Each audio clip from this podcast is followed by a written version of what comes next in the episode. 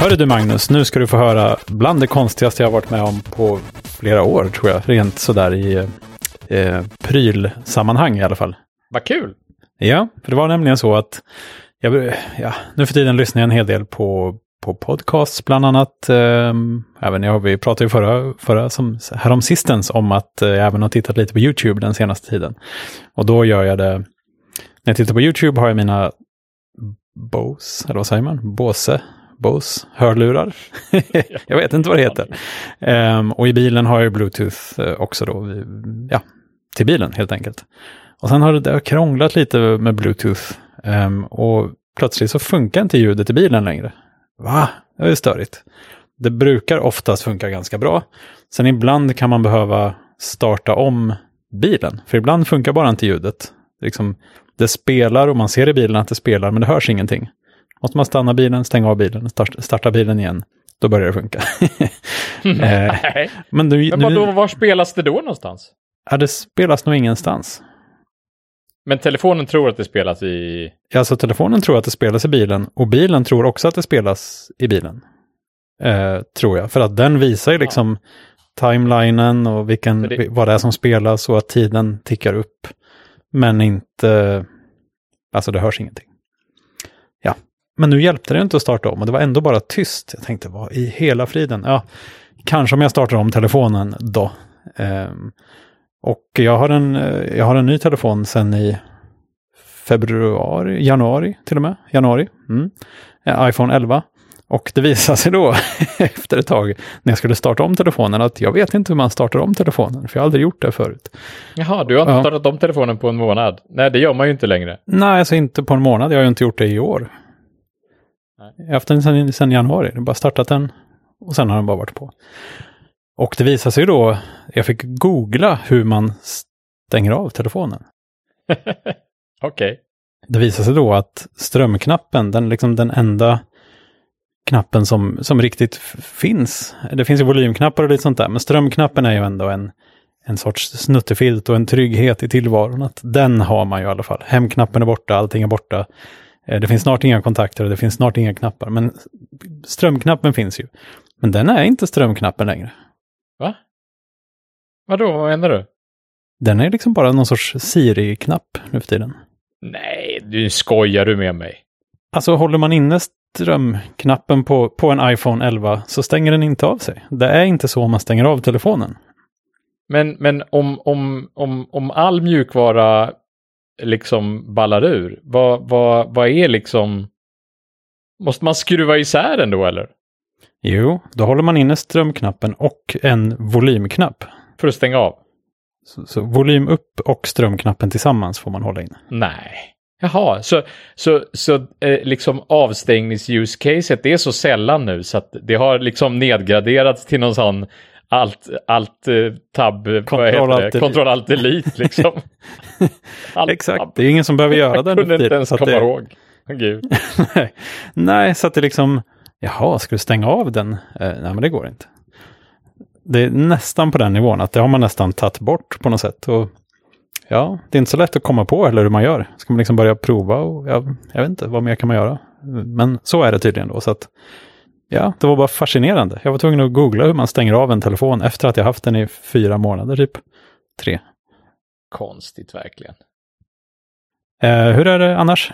Jo, det är bra. Eh, alltså den här veckan så har jag ju suttit hemma och det är, är ju som bekant nu ett jonglerande i videomötesdjungeln. Verkligen. Vi pratade ju förra gången om att, eh, att det här mitt green screen eh, plojande och så vidare. Och det, det har ju tagit eh nya vändningar naturligtvis. ja, exakt. Har det spårat ur än? Eh, ja, det tror Alltså om det beror på vem du frågar. Frågar exakt. du mina, vissa av mina kollegor så tror, tycker de nog det. Det var länge sedan. När de passerar mitt rum så tycker de att det ser märkligt ut med jättestora gröna dukar och sådär. Eh, men eh, men eh, vi, vi, vi, pratade ju om det förra gången som sagt och, och då, det vi inte nämnde då det var att Teams, Microsoft Teams har ju custom-bakgrunder också. Mm. som man kan använda sig av. De introducerade innovation i januari. Det visade sig att vår organisation som jag jobbar i då, hade inte det påslaget förrän typ förra veckan. Så nu, nu har vi det påslaget. Så att nu har vi, nu har vi lekt med det ett tag. Eh, så nu var alla tvungna att prova det och hitta den gömda mappen, interna mappen där man kan slänga in egna bilder så man kan ha egna bakgrunder och så vidare. För, det, för själva klienten stöder inte att man, att man laddar upp. Märkligt. Så är det, eh, man, man, men det finns en mapp. Men eh, om jag, om jag, alltså igår slog jag något personligt rekord som, som jag vet inte om jag är stolt eller skrämd över. Eh, för, för Alltså det, det, blir ju lätt så att man tar på sig lite för mycket jobb också när man, när man eh, bara sitter i videomöten på något sätt. När man inte behöver springa mellan mötena så då går det ju lätt att, att, att liksom sitta i ett möte. Mm -hmm. Lite sådär liksom. På, med ena handen. Jaha, med ett halvt öra? Eller vad man ja, men när det framförallt är många personer som är med i mötet och eh, eh, man faktiskt, det finns en poäng med att man faktiskt kan vara med och lyssna bara liksom som en fluga på väggen sådär, delta mm. passivt och och om det är så att man behöver ställa en fråga eller två under en timme så kan man göra det, men, men man kanske inte behöver vara superaktiv i mötet. Just det. Det kan egentligen vara en eh. fördel så att man så här, ah, jag kan inte prioritera det där mötet riktigt, men det hade varit intressant att höra vad som sades. Istället för att läsa anteckningarna kan man säga, sitta och lyssna med lite grann och kanske göra något annat under tiden. Ja, precis. Och, och så, så, så, så, igår så slog jag det rekordet genom att vara eh, under en kort tidsperiod på morgonen så hade jag möte i tre videoappar samtidigt. Tre olika möten? Ja, tre olika möten i tre olika videoappar. du är så effektiv. Nej, jag vet inte. Alltså jag berättade det här för min chef idag och, och Eh, och vi skrattade lite åt liksom det faktumet att ungdomar idag, de, bruk, de, har ju, de är ju uppvuxna typ med trippelskärmar och, och mm. kör YouTube samtidigt som de spelar, samtidigt som de har ja, Discord ja. på tredje, liksom där de chattar och, och så vidare. Mm. Så det, de är liksom vana vid, och, och, alltså det, det, är ju... Det är ju det är deras hemmaplan alltså. Ja, herregud.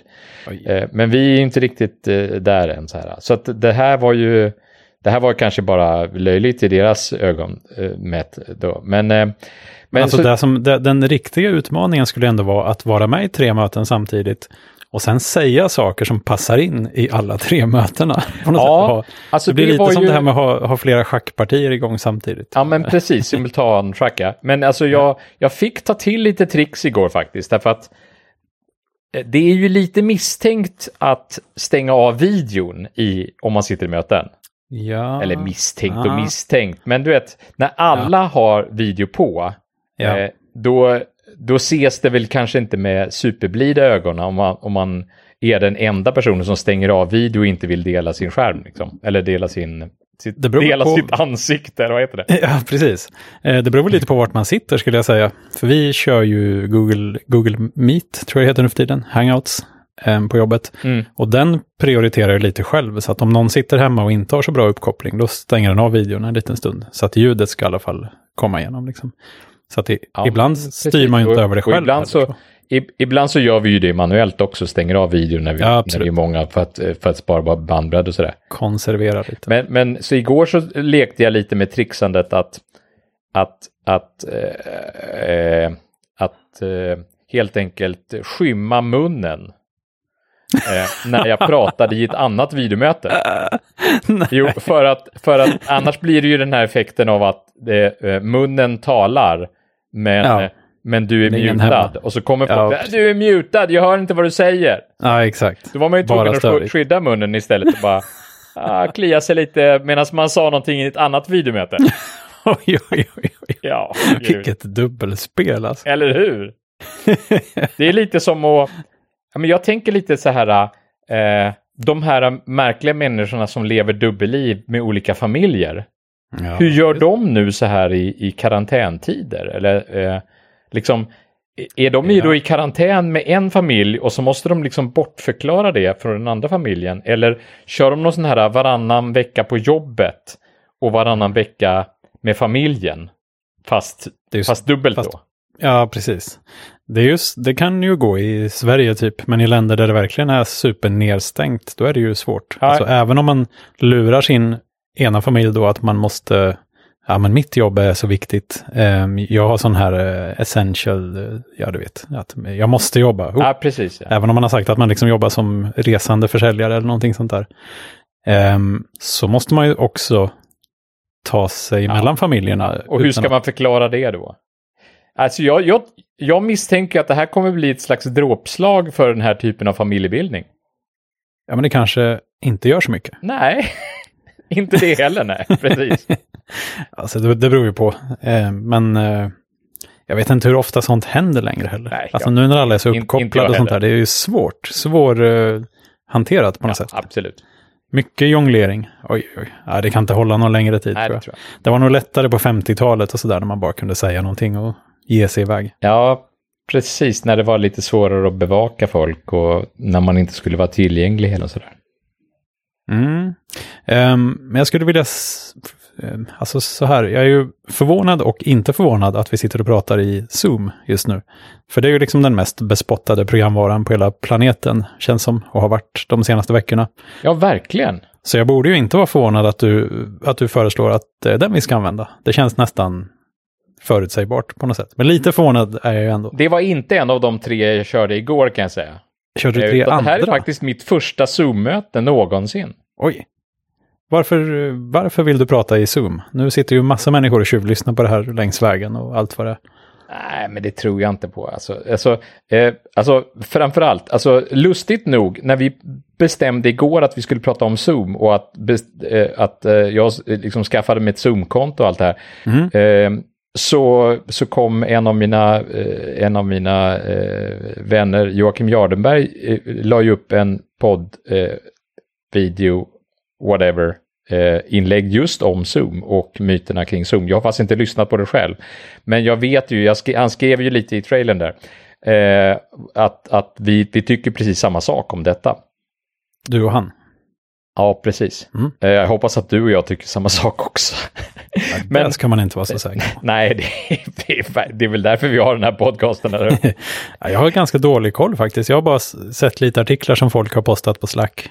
Ehm, Ja, alltså grejen är den att, att det började med att eh, folk började använda Zoom på bred front, eh, vilket eh, var väl inte så konstigt kanske då eftersom det var ett bra alternativ till många andra videochattar. Men vi har ju pratat om det här med att man numera kan ringa i varenda app. ja, Eh, precis. När man Det kunde nya- ringa i Slack och nya Teach och på alla, alla andra ställen. Liksom. Exakt. Och, och numera så kan man ju ha videochatt i typ alla appar. Ja, alla appar kanske är att ta i, men i många appar. Men i många chattappar och jag Ja. vet att min eh, eh, 16-åriga son, han, han, eh, när, han, när det var på gång att de skulle skickas hem och köra gymnasieskolan hemifrån och sådär, Just det. då hade hans skola eh, fortfarande ingen lösning för det här med videochattmötesgrej som hade kommit uppifrån. Så, här. Mm. Så då bara freebasade han och satte upp ett, eh, eh, ordnade en egen Discord-kanal Mm. för klassen. Därför att Discord hade tydligen släppt då på begränsningen i hur många man kunde videochatta samtidigt. Det är ju flera som har, har Ja, lättat precis. ganska mycket på de här begränsningarna då. Mm. Men jag vet inte. Eh, Så Zoom är ju ett sånt, ett sånt eh, eh, typiskt sånt go-to-verktyg eftersom de inte har haft några begränsningar på antalet eh, samtidiga chattanvändare. Tror jag. Right. Eh, begränsningen har väl satts istället på tiden för mötet eller något annat. Lite features och sådär. Mm. Alltså för gratisappen. Ja, precis. Ja. Men eh, för, nej, för de har väl varit bespottade. Dels för att de har ju haft massa konstiga hyss för sig när det gäller hur mjukvaran installeras och ominstalleras och avinstalleras och sånt där. Det var, väl, Ja. det var väl där de först fick skit för att även om man avinstallerar Zoom på macken till exempel så bor det kvar en liten webbserver som är öppen utåt och, ehm, och liksom, låter, alltså det där den kan installera mjukvaran lite över tid. Och det, de, har blivit, de har varit, eh, de har varit eh, beskyllda för att skicka data till Facebook och det är inte så Mm. konstigt att man skickar data till Facebook om man loggar in med Facebook till exempel. Eh, Nej, men och sen var det väl... eh. Det var väl Sen var det läckta- överhuvudtaget. Man kunde läckta- skicka någon läckta. Windows-lösenord och det har jag läst på om faktiskt. Och det visar sig att det är ju egentligen, kan man säga, ett hål i Windows som eh, blev, som, som liksom eskalerades av att Zoom blev så an- välanvänt kan man säga. Eh, därför att Zoom valde helt enkelt att rendera pathar i chattar. Sådär, så att när man limmade in en path, även en UNC-path, så eh, renderades den klickbar. Så att när man klickade på den, så om man då hade fel eller default eller fel eller jag vet inte inställningar i, i, i sin, i sin eh, Windows-installation Windows 10 då så skickades NTLM requests externt. Mm. Och det, då skickas ju inte lösenordet i klartext, men det är någon slags, eh, ja, det går att, det går att knäcka med lite rainbow tables och så vidare. Alltså det går att knäcka med verktyg i alla fall. Eh, så det är ju inte bra. Men jag menar, default så ska man ju inte skicka NTLM requests externt. Alltså om man har problem med, med publika Windows-maskiner som skickar NTLM requests externt, då, då, då, då tycker jag att då, Då har man man andra lite problem. andra problem. Liksom. Det är inte bara det är inte Zoom-problem man har främst liksom då, egentligen. Nej, men det var en massa sån, av den där sortens teknikaliteter som de fick skit för kan man väl säga. Ja, Så absolut. På, på mer eller mindre var det goda grunder. så. Convenience-urlar som innehöll lösenord som kom på drift. Mm. Och, och, och det är, typiskt det här fall att om, om helt plötsligt eh, en gymnasieklass eh, börjar använda Zoom för, för, eh, för sina, sina eh, eh, lektioner och så vidare. Då är det ju väldigt lätt hänt att en sån URL kommer på villovägar. Och då är det ju väldigt lätt hänt att någon tycker att det är jätteroligt att liksom eh, eh, streama porr i en ruta i, i, i, i, på lektionen. Ja, visst. Bara för att, ja, bara för att. Liksom. Ja. Jag menar, det är, Ja. eh, jag vet att Google hade ju en sån, eh, i, i Google Meet är det ju så att om man, om man startar ett Google Meet-möte och alla har samma maildomän, då har alla också all, samma rättigheter internt i Google Meet-mötet att typ kicka någon. Mhm. Ja, så kan det Så, så det problemet, det såg, vet jag, gymnasieelever som jag känner i alla fall då. Eh, det, det problemet såg de ju då. Därför att då blev det ju så att, ja men då kunde ju, då kunde ju någon illvillig elev sitta och kicka ut läraren helt plötsligt ur, ur, Ja. ur lektionen. Liksom. Ja, vad dumt. Man tar sig för pannan liksom. Ja, och sen så, men ovanpå allt det här sen så fick ju Zoom en massa kritik för att de sa att deras chattar var end-to-end krypterade. Och det var de, mm, fast inte hela vägen. var liksom end-to-end valda delar av sträckan liksom. Ja, Och då, det tappar lite i sin eh, Ja, ja, ja. slagkraft då, det här Ja, begreppet. att- alltså jag är ju inte någon, någon försäljare för Zoom. Alltså jag vill bara, jag vill Nej. bara att man nyanserar debatten Ja, lite. Det är sådär. klart man ska. De, de blev ju djävulen några veckor, liksom, allt de gjorde var fel och de var onda. Ja, och, det, ja, det vet. är hemskt tycker jag. Men eh, det är ju kreativt att säga att eh, någonting är end-to-end krypterat. Jo, jo, alltså mellan din dator och vår server är det ju end-to-end krypterat. sen är det inte där en liten bit och sen så är det end-to-end krypterat igen på vägen ut. Vad då är det ju inte end-to-end då? krypterat. Nej, exakt. Då är det En liksom... to middle. ja, typ. Nej, så det har väl varit lite sådär soppigt. Men eh, sen, sen är det väl, börjar man titta för nära på nästan vad som helst så är det väl lite, alltså inget är ju perfekt heller. Det är bara vad, Nej, väl, ju riktar man fått- drevets spotlight den här veckan liksom? Ja, mycket har fått stress, stresstestats nu de här veckorna. Herregud. Ja. Nej, men sen tycker jag ju ändå att vi kan ju, liksom en, och det här säger väl egentligen kanske mest om våra vänner eller mest egentligen om dina vänner, men en av de sakerna vi har fått mest feedback på i den här podcasten genom alla tider är ju att vår webbsida inte har varit eh, kört via HTTPS. Och ja, lite så här att certifikatet är trasigt och sånt. Ehm, och det har ju egentligen, eh, egentligen har det ju inte funnits något certifikat kan man säga, men tidigare har ju vår sajt hostats på Loopia och eh, de är ju liksom, vill väl att allt ska funka så smärtfritt som möjligt för folk som inte vet så mycket. Så att i all sin visdom så svarar de ju på HTTPS anaerob också, även om man inte har något certifikat eller någon alltså stöd för HTTPS på sin sajt. Men med sitt eget certifikat, och vilket naturligtvis inte är giltigt för ens egen domän. Ehm, så vi har ju helt enkelt inte haft HTTPS förut. Men nu har vi ju det. Vi har fixat det här ju. Känner du vad säkert allting är nu? Det är end-to-end krypterat, Magnus. Det, det, känns väldigt, väldigt end-to-end krypterat nu. Det, det, är, det är bra. Ja. Det är, det är ju tack vare, det är tack vare det fantastiska eh, initiativet som Cisco och, och några andra tog för något år sedan. Mm. Som i princip tycker jag har dödat den här dåliga SSL eller TLS eller ja, certifikatmarknaden, nämligen Let's Encrypt. Ja, precis. Jag älskar Let's Encrypt.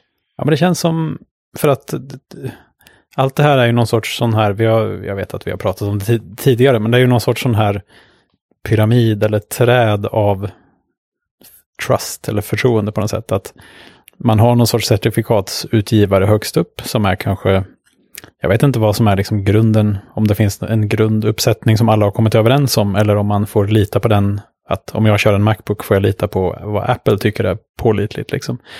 Och sen så kan de certifikatsutgivarna i sin tur då säga att ja, men de här andra, de är också schyssta. Och de kan utfärda certifikat som säger att jo, men den här domänen är den här domänen. typ.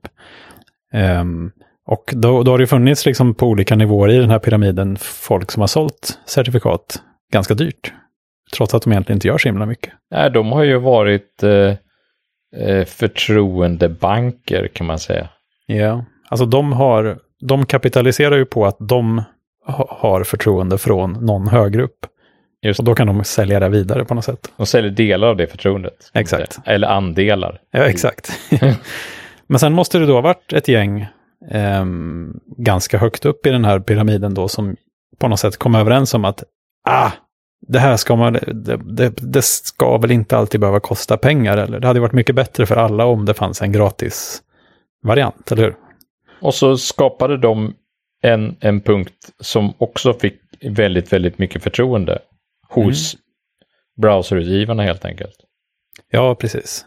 Och är, är liksom Let's Encrypt en egen sån här authority, eh, eller vad heter CA? Ja. ja. ja. Men ja, ja för Jag det verkar tror att ju... du kan se det om du surfar till vår hemsida faktiskt. mbsm.se. Precis. Där kan man då klicka på det lilla hänglåset. Just det. Och då står det eh, Let's Encrypt Authority X3 där. Just det. Och sen så står det någonting annat som var det jag tänkte komma till. Att det här är ju bara giltigt i några månader nu. Tre månader kanske. Um, och det är väl det som är grejen lite grann. Att ja, det är gratis men inte, inte för evigt. Man måste göra någonting manuellt. Eller inte manuellt, men man måste göra någonting med jämna mellanrum för att bibehålla sin ett certifikat, eller hur? Just det. Ja, alltså, det är det, det som är haken certifikat på något sätt. är ju, är ju en lurig business. Eh, i, I den gamla setupen så fanns det ju, eh, alltså själva startstandarden eh, kan man säga för, för certifikat, X509 då, så fanns det ju liksom en specifikation för hur man skulle kunna revoka certifikat också. Mm, det är ju bra. Men, men det byggde ju i princip på att man hela tiden prenumererade på notifieringar eller liksom fick eh, liksom kunde publicera revokeringslistor och att folk tog del av dem och sådär. Mm. Och det är ju inte hållbart liksom. Det är ju taget inte... Alltså i, i längden blir det ju väldigt, väldigt märkligt att, att man måste liksom hålla sig ajour med vad som har blivit revokerat av det som egentligen skulle vara enligt giltighetstiden mm. giltigt just nu. Liksom. Alltså vad, vad är, hur... Det är ju det enda sättet att göra det på. Liksom. För att certifikatet i sig har ju en giltighetstid. Precis. Som i sin tur är signerat av ett annat certifikat som har en giltighetstid. Som i sin tur är certifierat av ett annat certifikat som är, certif- som är signerat av, i oss i toppen, ett rotcertifikat som har en giltighetstid. Ja, och allt det här måste väl också, det är inte säkert att allting alltid är online heller. Alltså i TLS-sammanhang är det väl det, men man kan använda certifikat till andra saker också, antagligen. Ja. ja. Um, och då, ja, Nej, precis. Och då, och då, blir det ju väldigt svårt att revokera eftersom det inte är online. Mm. Eh, så eh, den, den, liksom, den konsensuslösningen på det problemet, eller den utmaningen egentligen, är ju ganska självklar, nämligen att sänka giltighetstiden på alla Mm. certifikat. Jaha, på alla Eh. certifikat? Ja, alltså har man gjort det eller? Ja, All det har man right. gjort. Okej. Eh, Så, så eh, alltså nu, nu, nu talar jag inte egentligen för CA-certifikaten, för de brukar ju ha en lite längre giltighetstid, för det är lite jobbigt att hålla på och, och trycka ut CA-bundles eh, till alla små offline-maskiner hela tiden. Eh, det kan men, bli väldigt eh, jobbigt om de går ut hela tiden också. Ja, alltså det, vi har väl en sån issue i år tror jag. Och den, den blev ju lite extra jobbig nu i och med att, eh, att vi har det här världsläget som vi har nu. Då. Men vi hade, jag tror att det var så att det var rotcertifikat som var rätt så vida spridda som hade 20 års giltighetstid. Och som var utgivna ja, runt 2000 helt enkelt. Eh, så de, de gick ut nu. Mm, ja, tiden Så går. det, ble, det blev ett litet problem här nu. Va? Eh, och jag tror att vissa browser-tillverkare till och med fixade det på något sätt. Jag vet inte om de, om de såg mellan fingrarna eller hur, hur det löste sig. Men, men, eh, men man har sänkt giltighetstiden. Eh, så Let's Encrypt till exempel, de har ju 30 dagars giltighetstid. Och jag, eller eventuellt ännu kortare, men 30, 30 dagar var det från början i alla fall. Så att man hela tiden var tvungen att förnya då och man måste ständigt förnya sitt certifikat. Så i Let's Encrypt finns det ju fantastiska verktyg som automatiskt installeras som, som gör det här åt dig. Vårat, vårat certifikat förfaller 13 juli. Så det måste ju vara tre månader. Jaha, tre månader, okej. Mm. Jag, jag tror dock att det förnyas en gång i månaden. Så Ja, att, men eh, så kan det kanske vara. Eh, Det, det kanske är så att det absolut inte gäller efter tre månader, men det finns någon slags varningsperiod. Och sådär. Just det. Men då behöver man, eh, för att eh, om man bara har en enkel, ett enkelt webbhotell där man kan lägga lite POP-skript, typ, som ju många har, då kan man inte bara själv dra in Let's Encrypt hur som helst, utan det måste finnas den här, någon liten demon på något sätt som ligger och, och förnyar det här åt den, eller kan man liksom, man kan ändå inte, man kan ändå inte alltså, installera ju certifikatet. inte- liksom. eh, Alltså om du, inte, om du bara har webbhotell och har, har en, en mapp med filer så kan du ju ändå inte eh, liksom Mm. stoppa in eh, din privata nyckel och sådär i webbservern. Så att Nej. hela, hela TLS-handskakning kan du ju inte sköta ändå. då är det kört. Ja. Men det som Let's Encrypt gör, det är någon sorts mjukvara som man kan köra in på, i alla fall på Linux antar jag, kanske på Windows också. Ja, Eh, den kör i Python så det, ah, right. det, det, det funkar bra på, Funkar på de flesta. brödrostar och kaffebryggare och allt möjligt. Ja. Men då, ehm, det den gör är att den med jämna mellanrum skaffar ett nytt cer- certifikat och liksom klistrar in allt på rätt ställe och sånt där, eller? Ja, precis. Det är, den kör dagligen och kollar hur, om certifikatet är på väg ut och, och, och, och fixar till det. Det är ju jättefint. Ja, och, och, och, det, och sen så är det bevakat åt andra hållet också. Det är väldigt, väldigt fint tycker jag. Eh, så att eh, Let's Encrypt bryr sig om dig som certifikatägare också. Eh, Vad fint. när man, när man, när man eh, liksom sätter upp certifikatet från början så eh, får man mata in en mailadress för den personen som står för certifikatet. Mm. Och om du inte har förnyat ett certifikat som håller på att gå ut så får du ett automatiskt mail från Let's Encrypt som säger att nu, nu, eh, nu håller det här på att gå ut. Mm. Ja, men det är ju jättebra. Så de, de kollar åt andra hållet också faktiskt. Det är väldigt trevligt.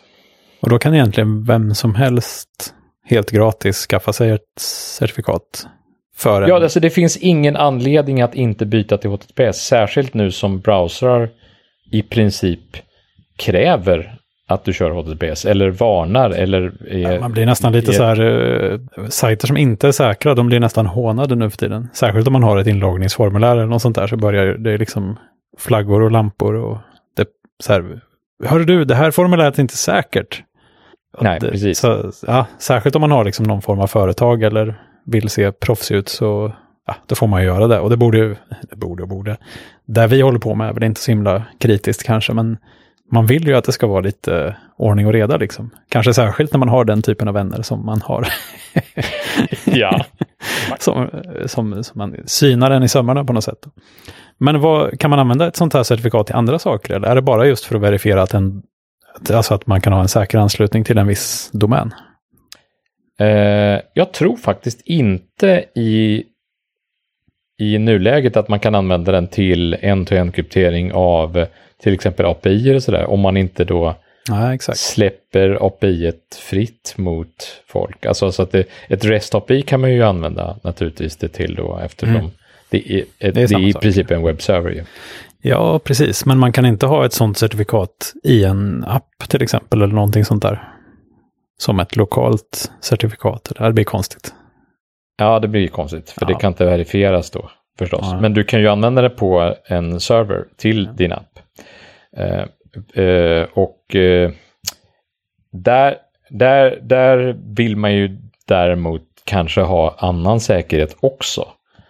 Mm. Ett, en attackvektor som har kommit nu är ju med att folk kör HTTPS rätt mycket nu då så, så, så har det blivit populärt att, att, att, vara, att attackera att attackera en-to-en-krypteringen helt enkelt.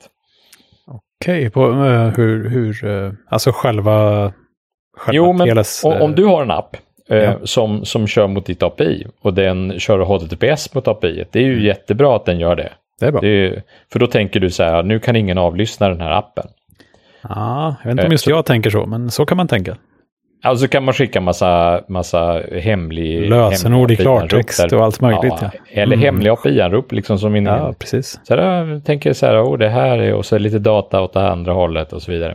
Mm. Men eh, precis som, precis som eh, eh, du litar på att browsern litar på CA-bandeln på din dator. Så, så eh, i, i en organisation till exempel så kan du ju trycka ut en ny ett nytt CA-cert på alla dina anställdas datorer. Ja, och helt plötsligt så kommer browsarna på de datorerna lita på alla certifikat som är signerade av den CA-certen. Mm.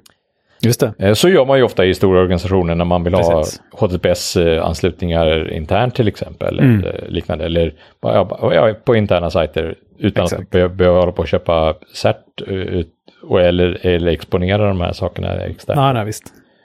Eh, och på samma sätt så finns det ju en det finns ju ett eh, det finns ju ett, ett en CA-bundle i din telefon till exempel. Mm. Som då apparna använder för att, eh, att, att, uh, lita på alla, alla sajter som de browsar till och så vidare. Mm. Men uh, om vi tar app, app-exemplet då så, så finns det ju verktyg idag för att till exempel sätta använda använda din dator som webbproxy till din telefon. Ja, precis. Så att helt enkelt telefonen använder eh, proxyn på din dator för att, eh, för att eh, surfa ut eller för, för att nå sina API-anrop utåt. Precis. Och, och eh, det finns ju, till, till Macen finns det en jättebra proxy som heter Charles Proxy som, som, som helt enkelt kan, den kan deponera ett ett certifikat i din telefon som gör att, att eh, den också kan eh, proxya HTTPS-anrop eh, mm. och packa upp dem. Det vill säga den kan agera med middle eh, i en-to-en krypterade förbindelser där telefonen fortfarande tror att den pratar med, med det andra API. Mm. Men, men egentligen så har den fått ett annat certifikat Ja, precis. Det har bytts ut från, lite på vägen. Från proxyn. Precis. Men äh, gör den då, skapar den ett certifikat i, certifikat i farten som gäller för den domänen man går mot? Ja, om den gör det i farten eller om den gör det när du säger, säger att den här domänen ah. vill jag, vill jag HTTPS enabla. Det vet jag inte. Men den skapar ju ett specifikt certifikat som telefonen då tror är mm. eh, de, den, den tjänstens certifikat helt enkelt. Ja, just det. Men hur är det då om man, om man till exempel sitter på ett café och surfar på deras wifi? Kan de göra samma sak? Med sin liksom i smyg. Ja, det, nu, nu börjar vi ju, nu börjar vi ju Nej, det, För det är kan precis inte det som göra. ska därför att, därför att, därför att eh, då, då, du, det här bygger ju på att du har sagt i din telefon att det är okej att vi litar på det här certifikatet. Ja, Charles Proxy-certifikatet. Exakt. Ja, det har ju du installerat på din telefon. Mm. Eh, eh, det här fiket som, eh, som du sitter på, de lär ju inte få installera ett proxy-certifikat på din telefon. När du, eller din dator till exempel. Mm, Nej, det är frågan hur det där går till. För jag vet att det finns ju olika typer av app-distributions, eh, typ testflight och sånt här för iOS där man kan betatesta mjukvara. De Mm. installerar ju ett certifikat på något sätt. Just, av den anledningen. Ja, precis. För, för att din, din app ska lita på Mm. eh, eh, det som skickas till den helt enkelt. Precis, men då, no, det är väl för att testflight ska få installera mjukvara i telefonen på något sätt. Ja, alltså, ja, alltså nu, det, finns, det finns ju tror, finns ja, det olika finns väl olika typer av certifikat vi pratar om nu. Både Jo, själva men app-signeringen och, och eh, ja, Precis. Men det jag tänkte på var ju att det certifikatet som kommer in där, är det var det inte så på den tiden att man bara klickar på en länk och sen så frågar telefonen så här, jaha, vill du installera det här certifikatet förresten? Och så gjorde man det och så Ja, hade man det exakt. sen. Ja, Men- och, men och det det är är ju möjligt att, och, och du menar att det är möjligt att man skulle kunna trixa någon som sitter på ett café till att installera ett certifikat som de kanske egentligen inte borde installera. Alltså det, det, borde man ju, det borde ju inte finnas den typen av luckor. Men man hade ju lätt kunnat föreställa sig att så här, hej, välkommen till vårt wifi. För att det här ska funka behöver du bara klicka på den här länken och sen trycka OK i rutan som kommer upp. Sen Ja, är det lugnt liksom. Ja, gud, det finns så mycket sån här svart UX nu. Mm. Som man liksom, hela den här, ja men eh, eh, kan du klicka på den här knappen här uppe att du vill allow, eh, eh, cookie, cookie-grejen det är ju en sak att irritera sig på. Ja. Men nu ska ju alla, bra, alla webbsajter i hela världen skicka notifieringar till din webbsajt. Liksom. Eller till det- din webbbrowser. det känns som det har gått- det, Det har gått helt- över lite grann. Det var, Det, var har, det, ett- det har gått bananas helt och hållet. Jag tycker det är mindre nu än det var just när det där kom. Det kanske har blivit, det beror på vilka sajter man surfar på. Då. Jag fattar inte att man inte, att inte Chrome eller någon annan browser eh, eh, tillåter att man säger så här. Jag, jag, jag vill aldrig någonsin tillåta notifieringar från en enda webbsajt från och med nu. Så att sluta fråga mig om det här. Ja, exakt. Men eh, nej, för jag menar, det borde ju inte gå från liksom till exempel Apples sida att i iOS kan man få en länk för att installera ett certifikat som man bara trycker OK. Och sen, har man, sen litar man liksom på något bara utan att man vet vad man har gjort. För det är ju väldigt lätt hänt. Och det var ju, på tal om det, så var det, det var väl en av de lite så här sk- skumma sakerna som Zoom gjorde, i alla fall förr i tiden. Att de, när de behövde lite rättigheter till sin klient så skickar de väl upp en ruta där de kallar sig system istället för Zoom. Ja, gud. och det är ju så här shady. Eh, men på, på sådana sätt kan man ju luras att man, ja, man säger, oh, eh, det här är med Apples programvaruuppdatering, liksom. nu måste du trycka här. Ja, så ja. för att Nej, och jag, installerar det här och- certifikatet. och jag, jag försvarar inte Zoom nu här, men jag tror att vissa applikationer, kanske Zoom, kanske andra, gör sånt ibland därför att det är för jobbigt att förklara helt enkelt vad de ska göra. De har liksom att göra med en användargrupp som är för jobbig att hantera. Mm. Så det är liksom bara, äh, men vi slänger upp en sån här ruta, vi låter honom mata in detta, så kommer det lösa sig liksom. Mm. Eller så är det ett typiskt fall av en utvecklingsavdelning vet inte vad en annan utvecklingsavdelning som inte vet vad policy säkerhetsavdelningen eh, Nej. Eh, avdelningen gör. Så Nej. någon beställer bara, ja men vi måste ha det här, ja men då måste vi ha det här, ja men då måste vi göra det här. Och så Mm. är det ingen som liksom koordinerar hela det här arbetet och, och ser till att slutprodukten blir bra. Liksom. Nej, fast man kan ändå liksom så här, förresten, skriv inte Zoom, skriv, skriv system istället, för då litar folk på det. Det är ju ändå, Då har man ändå t- tänjt lite på gränsen. Alltså jag Ja. försvarar inte, jag försöker bara förstå ibland Ja. hur sånt här uppstår. jo, jo. Om det nu inte är illvilligt, man får nästan förutsätta att saker inte alltid sker illvilligt. Liksom. Det, Nej, men jag tror att i, i deras fall, som det, jag vet faktiskt inte, ägs de av någon sån här stor eh, Microsoft eller något? Eller är de ett eget nej, det, företag? det, jag, jag tror inte det. Men menar, Vi, de vi kanske mycket får att- svaret nu när de lyssnar. Ja, är det någon där som kan berätta? Nej. Ja, precis. Eh, Vi får nej, en men jag menar, de, som företag har de ju så mycket att förlora på det här. Så jag kan tänka mig att åtminstone en del av besluten har ju folk bara så här, äh, lös det fort, det här måste vara färdigt imorgon. Ja, okej, ja, då får jag väl hacka ihop någonting här då liksom. Eh, och sen är det inte liksom någon som är, har något direkt ansvar som vet om det här överhuvudtaget. Det man kan livligt föreställa sig att det är så i alla fall.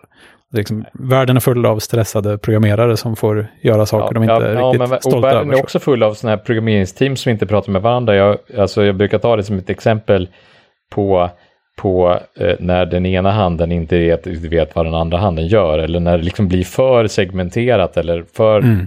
för isärplockat. Eh, jag satt tyvärr eh, eh, en gång och hade eh, Lotus Domino som Oh. mailklient Mm. och, och grupp, eh, eller vad det är, eh, grupp, eh, vad heter det, gruppprogramvara, gruppvara. Gruppvara. Ja, Gruppvara tror jag det hette en gång. Groupware. ja, ja visst. Ja, gud. Ah, ja, uh, Groupware var väl ett varumärke för en novellprodukt tror jag faktiskt en gång i tiden. Ja, det låter bekant. Men det är ju, Novell, ja, jag förstår vad du menar. Ah, ja. Okej.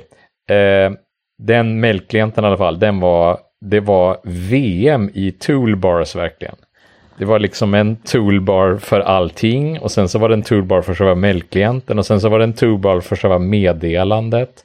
Jaha, i varandra så- på något sätt då? Kanske det var en toolbar för själva textdelen av meddelandet. Där du, Oh, alltså, Formatering. det var ju liksom en, och, då, och varannan toolbar var horisontell och varannan toolbar var vertikal naturligtvis. Så det var, alltså det var, det var verkligen hej kom och hjälp mig. Blir det någon sorts sudoku-stil på alltihop? det var en bra parallell. Men då satt jag i alla fall i, i, i den här, och, och det här var, det, det var verkligen inte något eh, som jag krystade fram med exempel, utan jag hade ett mail och hade en, en, eh, en, eh, ett attachment i mejlet. Och det råkade vara en bild Mm. eh, Eh, i det här mejlet då, som var, som var ett attachment helt enkelt. Och på den tiden så, eller ja, det finns väl klienter som visar det nu också, så, så, så såg det liksom ut som längst ner i hörnet på mejlet helt enkelt, så var det bara en liten ikon, ungefär som ikonerna på skrivbordet då, för, för en bild helt enkelt, och så filnamnet liksom. Eh, och jag, alltså, eh, inte ett ont anande så högerklickade jag på den där ikonen för Mm. att spara ner filen helt enkelt. Mm. Jag ville ju spara ner bilden liksom. Ja, visst. Alltså högerklickade jag och så, och så fanns det då, en, kom det upp en liten högerklicksmeny och så kunde jag spara bilden. Ja, så gjorde jag det. Mm. Ja, och vad, vad fick jag för bild på min desktop då, eller i, i foldern där jag sparade? Jo, jo, jag fick bilden på ikonen. Nej. Jo, därför att det här var ju liksom objektorienterad programmering taget Aha. to the extreme. Ja. Så de som hade gjort liksom renderingen av den här attachmentet, de hade en egen liten meny, helt enkelt. Och en, Ja, en ja. egen liten högermeny. Den var ju bara, det var ju bara renderingen av, av, av attachmentet. Det hade ju ingenting med själva attachmentet att göra. Nej, Eller visst. jag vet inte. Men tror inte Det blev bara så otroligt. Alltså själva mejlet måste varit lite som en liten webbsida eller någonting. Och så i den webbsidan så infogar de någon sorts liten bild. Eh, objekt Ja, nästan. eller, eller, eller, eller så var det liksom bara den pop-up-menyn, den var liksom bara helt fel. Den, den var för ikonen, på något sätt. inte för Ja, den var för ikonen istället för själva attachmenten. Det var liksom på fel metanivå va? Ja. Vad dumt. Ja, det var så dumt. Ja. Nej, men ska vi stänga det här med SSL-certifikaten som vi pratade om? ja. Eh, eh, för för eh, det någon lyssnare säkert tänker på när, när vi pratade om det här med att luras med Ja, SSL-certifikat, just det är ju att det man borde göra som apptillverkare eller som klienttillverkare eller liknande, det är ju att, att åtminstone se till vad man litar på så att inte folk kan göra sådana här man in the middle snifferier som jag gjorde med Charles Proxy då, som jag beskrev. För det går nämligen. Men menar du att, hur menar du då lita på, hur ska servern veta vem du är liksom? Nej, servern, ja, inte servern, jag tänker på klienten. Att Jaha. eh, för att inte du ska sitta i din app och, och att du som apptillverkare ska få ditt protokoll sniffat eller din, din, ditt, ditt protokoll manipulerat. Mm. utan vidare så, eh, så, kan man, så kan man pinna certifikat. Och det är helt enkelt ett sätt för programmerare att tala om eh, att vilket servercertifikat man ska lita på. All right. Inte bara så här, ja förresten jag vill ha en HTTPS-uppkoppling, utan... Alltså det räcker inte, nej, det räcker alltså inte med att bara generellt säga så här, jag litar på alla som min miljö litar på. Mm. Utan ja, då, då ska man helt enkelt säga så här, jag, jag, vill, jag vill lita på det som är antingen specifikt det här certifikatet eller signerat av den här mm. saken. Men hur, för om, om det certifikatet går ut och sånt där, då, då måste man se till att man har ut en uppdaterad version av appen i god tid, eller? Ja. Eller kan man säga då? Att, jo, jo alltså man kan, man, kan ju, man kan ju pinna genom att säga att man vill, vill, vill, vill lita på någonting som är signerat av en viss ja, kedja liksom. Mm. Och uppåt. Och då, då är ju det, då är, då, då är det ju det, det, det, den giltighetstiden som gäller naturligtvis. Mm. Men då är det de 20 åren och så vidare som det kan, ja, det kan vara lite mer eller en månad eller ett år eller vad det är. Beroende på ja, var någonstans man är i kedjan. Jo, ehm, och då de här Charles Proxy-certifikaten, de är inte, de är självsignerade då på något sätt. Ja, det kan man ju säga att de är, för de är ju, de är ju, de, de kommer ju aldrig vara med i någon, någon, någon apps lista över, över saker som de litar på. Men ja, fast hur funkar det där egentligen? Um, när du ska skaffa ett, eh, ett, eh, Let's Encrypt-certifikat till vår webbsida, ja. hur vet de att du är den som har webbsidan? Liksom? Ja, men det, det, det sker ju på det, precis det sättet som eh, eh, egentligen eh, vår, är det mest logiska, nämligen att eftersom jag har kontrollen över servern mm. eh, så måste man kunna lita på mig. Jo. Det vill säga, du, du får lov att ha nyckeln eftersom du har lov att skriva saker på servern. Men vad, vad är det som förhindrar att Charles Proxy skaffar ett certifikat åt vår, vårt API, liksom om vi hade, nu hade ett API? Därför att uh, Let's Encrypt, när Let's Encrypt slår upp vårt namn i DNS, nu, ja. Uh, så, så ansluter de till vår server och kollar om deras kontrollfil finns serverad där helt enkelt. Mm. Så, så Let's Encrypt-installationen skapar helt enkelt en ny unik fil som ligger i roten på i webbkatalogen. Aha, right. Och sen så ansluter den till Let's Encrypt och säger kolla nu att filen finns där som jag la där. Mm. Eh, och sen så gör de ett anrop tillbaka helt enkelt åt andra hållet med HTTP i det här fallet. Då, va? Det är möjligt att de gör det med HTTPS faktiskt, med något temporärt certifikat. Ja. Jag vet inte. Men ehm, eh, så det är en liten förhandling som sker helt enkelt. Right. Precis på samma sätt som när man ska göra, peka ut eh, en, ett Google-mail eh, ja, domänhistoria där, att man har kontroll över domänen så lägger man upp ett speciellt DNS-entry eller en speciell mm. på en server. Mm. Ja, för det kan inte vara så att vem som helst kan dra ut ett certifikat och serva från mitt emellan. Nej, så vägen, är det. Liksom. Absolut. Jag har däremot uh, uh, fejkat man in middle-certifikat därför att jag vill, därför att jag vill få, ha en sak och fungera internt. Men det är en helt annan sak att jag vill ha en, jag vill i princip fejka att en central server står lokalt. Mm. Då, har jag ju, då har jag bara signerat upp ett certifikat och, och se till att, att den som gör anropet litar på signeringsauktoriteten. Liksom. Jo, men då får du vara kompis med dem som kan lägga in Absolut. saker i. Ja, ja, ja, då ska jag vara kompis både med, med de som är på servern och de som är anropade. Helt enkelt, naturligtvis. Och det är ju liksom en setup trust kan man säga då. Ja, ja, ja. ja men det, är väl, det, det känns ändå rimligt säkert. Men det är ju liksom inte banksäkert. Men på, på eh, så när man köpte certifikat för 1000 kronor så då krävdes det inga filer som låg på några servrar utan då, då krävdes det egentligen bara att man, att man hade Ja, det är du som har domänen. Liksom. Du, som har du måste presentera någon slags pengar och, Och, och naturligtvis eh, ID-kort eller foto och sådär, att det är du, du har Ja. tillgång till det här företaget. Sådär. Precis, för att det är som de här certifikaten man får lite så här lättvindigt från Let's Encrypt, de säger ju inte vem du är egentligen. De säger bara att ja, men den, här, de här, den här domänen har det här certi- certifikatet. Liksom. Det här är ett certifikat, det får du, varsågod. Jag, Det här är ett certifikat som den personen som kontrollerar den här webbservern. Har, har bett att få. Precis. Men om man går till sin bank och kollar, då står det ju liksom att ja men Swedbank AB har, äger den här sajten typ. Ja, och egentligen så betyder ju inte det att säkerheten är så vansinnigt mycket bättre istället. Alltså det, Nej, nej det Det- har väl ingenting, inte egentligen så mycket med säkerhet att göra, men, men det måste vara någon sorts annan nivå av eh, Ja, jag antar att det är liksom. i den här PCI DSS-standarden som är det som ska hantera banksäkerhet och kreditkort och så vidare. Står någonting om hur certifikat ska utfärdas också, men jag har inte läst den tyvärr. Ja, just det. Ja, men det är mer det där att man... Nu vet man bara att ja, jag kan ha en säker anslutning till den här domänen, men man vet egentligen inte vem det är man har en säker anslutning till, kan man väl säga. Ja, precis. Ja, men det är ändå... Det är ju den här hygiennivån man vill eh, uppnå i alla fall till att börja med. Sen det andra är väl inte lika noga vem som ligger bakom en sajt som man surfar in på. Så. Om Nej, det blir surfa, svårt. så. Det är ju så himla svårt att kontrollera ändå. Så att, eh, Ja.